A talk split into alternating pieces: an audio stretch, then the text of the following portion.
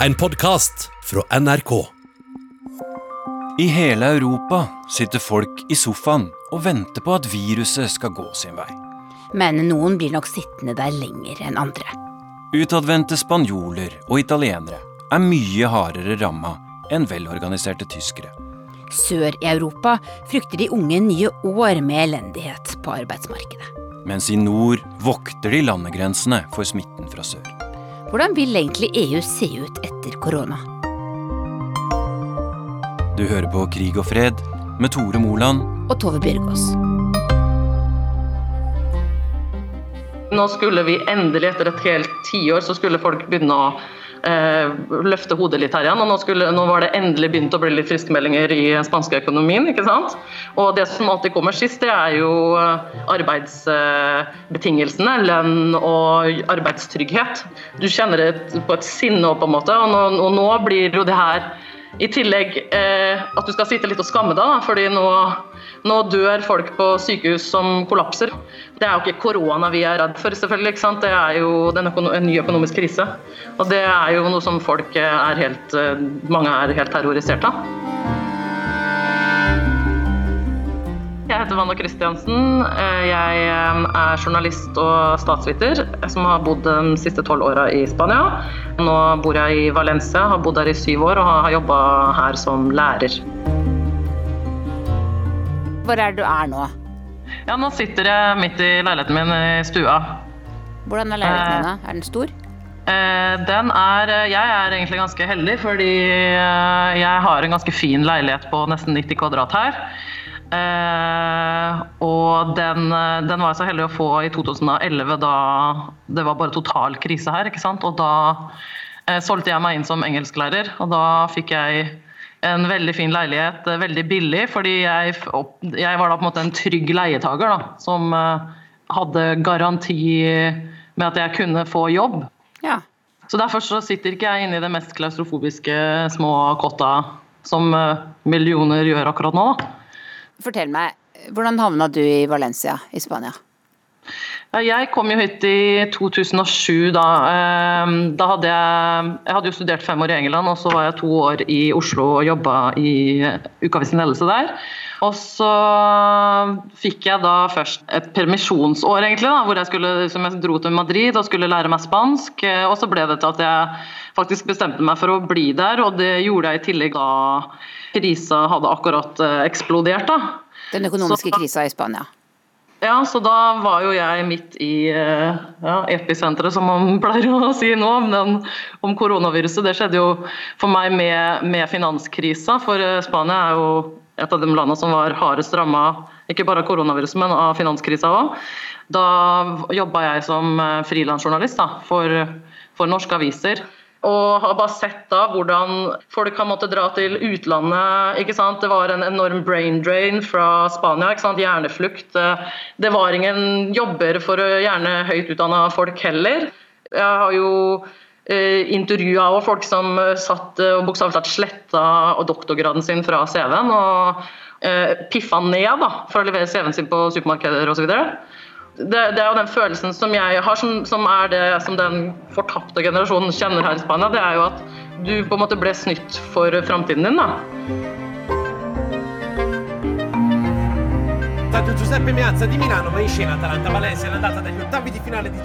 Det spanske fotballaget Valencia spilte Champions League mot italienske Atalanta i februar og mars. Det italienske laget er fra Bergamo, sentrum for koronaepidemien i Italia. Ekspertene mener mange spanske fotballsupportere ble smitta på de to kampene. Etter den siste ble alle store idrettsarrangementer i både Spania og Italia avlyst. Men noen store folkeansamlinger fikk gå sin gang. En av dem var kvinnedagen i Valencia 8. mars, med mer enn 30 000 mennesker i gatene.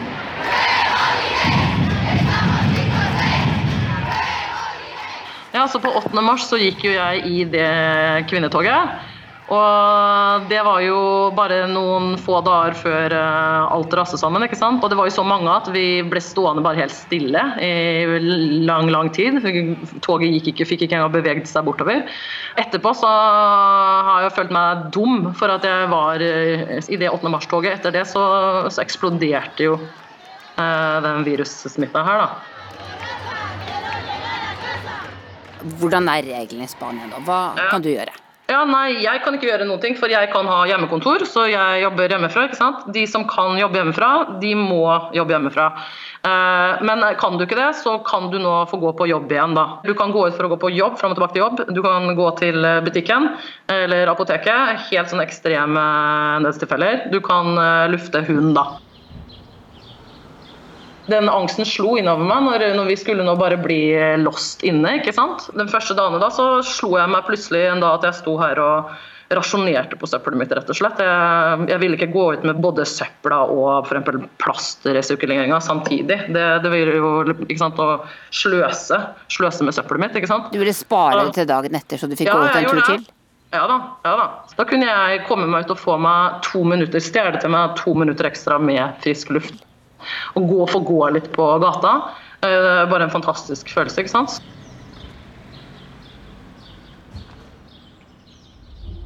Sånn ser han ut, eh, reportasjebilen, etter snart ei uke med koronarapportering.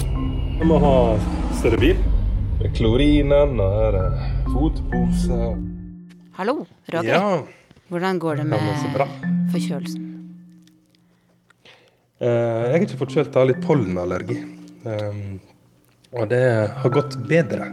Du er sikker på at det er det? Eh, ja, for nå uh, fikk jeg telefon, så testen var negativ.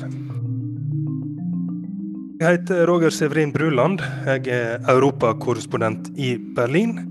Og har reist eh, tre reportasjeturer til Italia midt under koronakrisa. Altså, hvordan er det akkurat nå? Nå er du i karantene hjemme, ikke sant? Ja. Da kan du ikke gå ut i det hele tatt? Jo, altså i Berlin kan du jo gå ut, for det er så store områder. Så eh, altså får du lov til å gå en tur i en park her nede for Spre, der det ikke er noe folk. Eh, for her er jo god plass, ikke sant. Men fortell det her, forklar dette her for oss, Roger. Altså, I Tyskland så har jo dødstallene vært mye lavere enn i andre europeiske land med, med like mange innbyggere. Og eh, det virker som de har fått mye bedre kontroll på, på situasjonen, og det har også hjulpet Italia bl.a. Hva er det tyskerne har gjort som andre land ikke har gjort? Jeg tror det har skjedd veldig mye bak kulissene. De har drevet veldig sånn systematisk testing, og så klart å stoppe sånne utbrudd før de, før de har, før de har mista kontrollen. Da. Så de hele tatt har hatt kontroll. Og de har samler data, de prøver å finne ut alt om dette her viruset. Finne ut hvordan det smitter, hvordan det oppfører seg i befolkninga. Og Før eh, korona så hadde de 28 000 intensivsenger i Tyskland. Det er 34 senger per 100 000 innbyggere. Og Til sammenligning så er det vel rundt ni i Spania og Italia. På grensa til Østerrike blir jeg møtt av soldater og politi. Ok, Haben Sie Dank voll? Ja, it's full dank. Men Roger, vi må snakke om det du har vært eh, igjennom de siste ukene. Du reiste altså til eh, Italia, til Bergamo, til et sykehus. Eh, et av de sykehusene som er hardt Monza. rammet. Ja, det heter det. Jeg hadde aldri turt å gjøre det, for å si det sånn. hvorfor valgte du å gjøre det, egentlig? Jeg syns det var en viktig sak.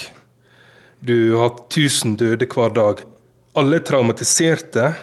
De er veldig sånn psykologisk råka på en måte som vi ikke kan forstå. Og Da er det viktig å reise ned og vise sånn har de det der nå. Innenfor slusa ligger noen få av de 100 intensivpasientene ved sykehuset. Alle ligger i respirator. Det tror jeg er kanskje det sykeste jeg noensinne har sett. Det er bare rett og slett helt forferdelig. Jeg har jo vært eh, krigssona før, og det er liksom akkurat den samme stemningen. Den der. Her, er det, her er liksom Her ligger samfunnet til knes, liksom. For Italia var jo det første landet der det her kom til Europa og ble skikkelig alvorlig. Så det blir jo liksom symbolet på, på liksom korona i Europa, er jo, er jo liksom Italia. Da. Så, så det har vært en sånn spesiell reise eh, å kunne reise på disse her tre turene. Og tre helt forskjellige turer. Ja, hvordan, hvordan da? Tre forskjellige Europa? Ja, fra at eh, du kan ta fly, til at eh, ja, kanskje nå er det ikke så lurt å ta fly lenger, nå tar vi bil. Til at eh, ja, vi tar bil, men vi har ikke noen plass å bo. Til at alle grensene er stengt, og du må forhandle deg over alle grenser. Altså, hele Europa har, stengt ned. Det er jo ganske vilt å tenke på. Eh, jeg tror ikke det har gått opp for oss hva det egentlig har foregått. Og det har foregått på i løpet av eh, en måned, en og en halv måned. Aus meiner Sicht Europa, die Europäische Union vor der größten Bewährungsprobe EU er satt på den største prøven i sin historie, sier Angela Merkel. Den tyske regjeringssjefen og hennes tidligere forsvarsminister Ursula von der Leyen har brukt de største ordene om det som skjer i Europa nå. Von der Leyen er EU-president. Hun lover å hjelpe Spania og Italia men EU-landene er ikke enige om hvilke virkemidler de skal bruke. I think it is important to keep in mind that looking forward, uh, the strongest sign for European solidarity is a strong European budget. Ja, jeg har jo da parkert bilen i Frankfurt, eh, nivå 3, terminal 1, parkering 1, og der står den til jeg klarer å hente den. Så du kjørte til Frankfurt og fløy til Norge, så nå må du tilbake til Frankfurt for å hente bilen, og så kjøre den til Belgia? Nå må jeg enten eh, tilbake til Frankfurt, eh, eller kjøre til Belgia, eller til Frankrike, et annet sted hvor jeg kan jobbe, eller eventuelt prøve å selge den der den står. Det tror jeg er litt vanskelig. Hei, jeg heter Philip Lote, er europakorrespondent for NRK. Normalt i Brussel, men nå en liten tur i Norge. Kan ikke du bare forklare, for det er ikke alle lytterne som skjønner hvordan korrespondenter jobber. Du har familien din her i Norge nå? Ja, familien flyttet hjem til Norge i sommer, så jeg prøver å være litt sammen med de når jeg kan. Og så er det forskjellige eh, karanteneregimer i ulike land i Europa som man forsøker å dekke. Så nå har base i Brussel, så må jeg tenke hvor kan jeg reise uten å bli satt i karantene. Og hvis jeg reiser tilbake igjen til Belgia, så ville både jeg og en eh, kameramann eller kameradame blir satt i karantene. Så vi måtte planlegge den siste reportasjereisen ved å kjøre til et sted og finne en rute ut igjen derfra som kunne ta meg hjem til Norge uten å bli satt i karantene. Så da kjørte jeg til eh, Mulhouse i Frankrike eh, i forrige uke.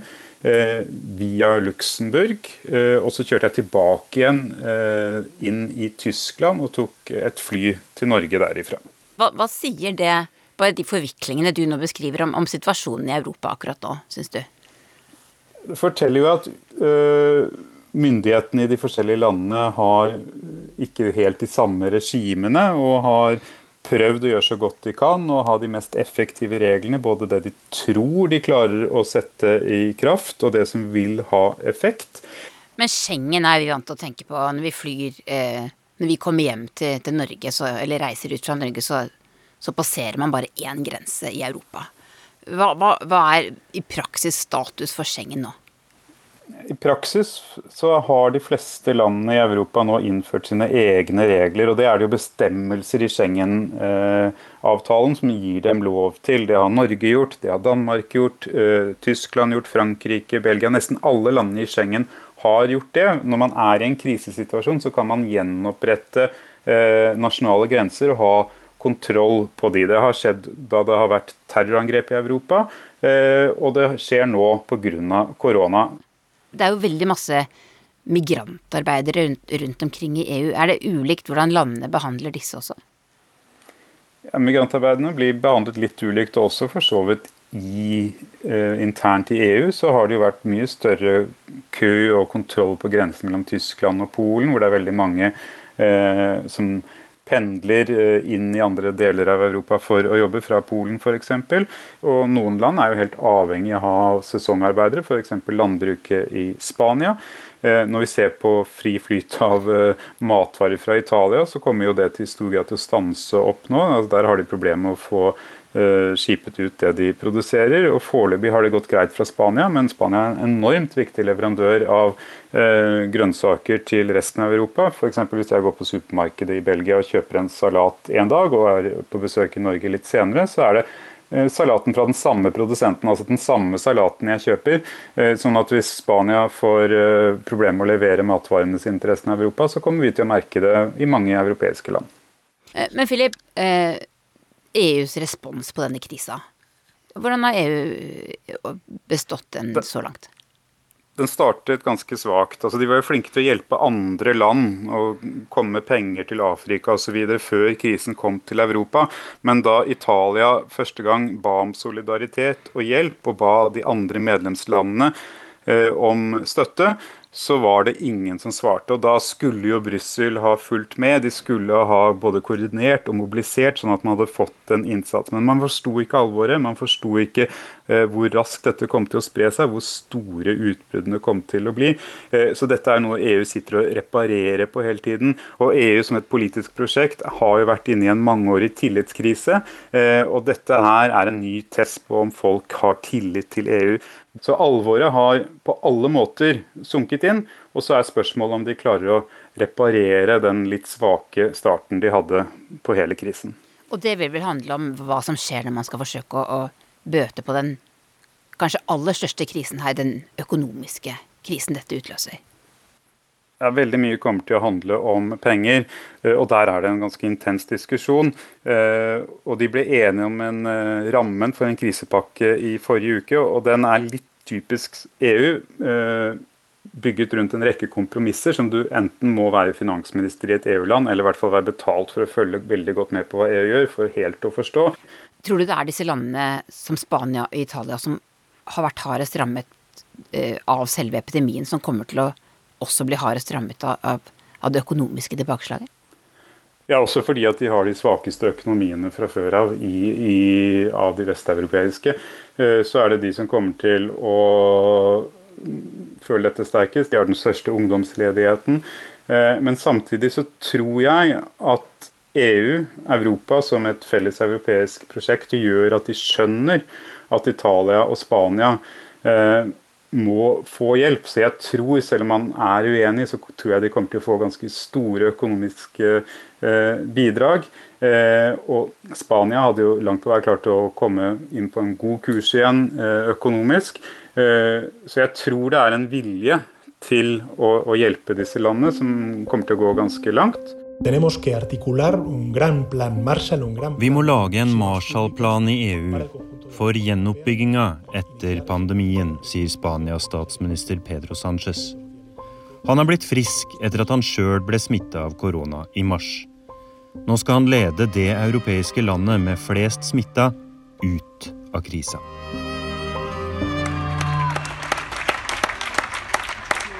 Klokka åtte hver dag så står vi alle og klapper for måte helsearbeiderne. Det har jo fått en sånn stor eh, eh, anerkjennelse nå. ikke sant? De underbetalte jobbene med folk som jobber på butikker og sånne ting. Hvordan føles det å stå på balkongen og klappe? For meg er det en veldig blanda følelse. Selvfølgelig skal jo de helsearbeiderne skal jo ha total eh, anerkjennelse. Så jeg klapper for dem. Eh, men samtidig så føles det litt vemmelig, fordi i tillegg jeg bor i ganske fint strøk her. da Eh, og det er mange som har da det spanske flagget på balkongene her. og Det, det er ikke sånn et flagg symboliserer Norge. Her er det ofte da det, De som sant, dekorerer seg med flagg og sånn, det er ofte veldig sånn høyrevelgere. Og under hele økonomiske krisa så er det jo nettopp dem som har stemt for eh, sant, kutt i eh, nettopp helsevesenet, f.eks. Hva tenker du selv nå om, om din egen framtid i Spania? For å jobbe på offentlige skoler i Spania, da, så må du ta noen uh, veldig lange eksamener da, som folk bruker veldig lang tid på å, på å, forberede seg på. Og ikke minst siden det her er i Valencia, så måtte jeg lære meg valenciansk. Eh, for jeg kan jo kastiansk, eh, det kan jeg jo helt perfekt, men, men valenciansk det, det, tilsvarer katalansk. da. Eh, og det må du kunne på et veldig høyt nivå. Så nå sitter jeg jo her og må revurdere hele livsprosjektet mitt her, da. Fordi alt jeg har investert i det, det, det kanskje ikke går noen vei. Så jeg sitter her og lurer sjøl. Jeg må si jeg savner fryktelig Norge nå, fordi det er jo sånne underliggende strukturer i samfunnet her som gjør at det er, det er ikke noe tilfeldig at, for at Spania eller Italia eller nå f.eks. USA og er noen av dem hardest ramma. Det er jo en sånn kjent statsviter her som heter Vicente Navarro som akkurat har uh, vært ute og sagt her. Det er de som har hatt den politikken med ikke sant? Det har vært uh, harde kutt eh, ikke sant? Det er dårligere velferdsordninger, det er større ulikhet i samfunnet.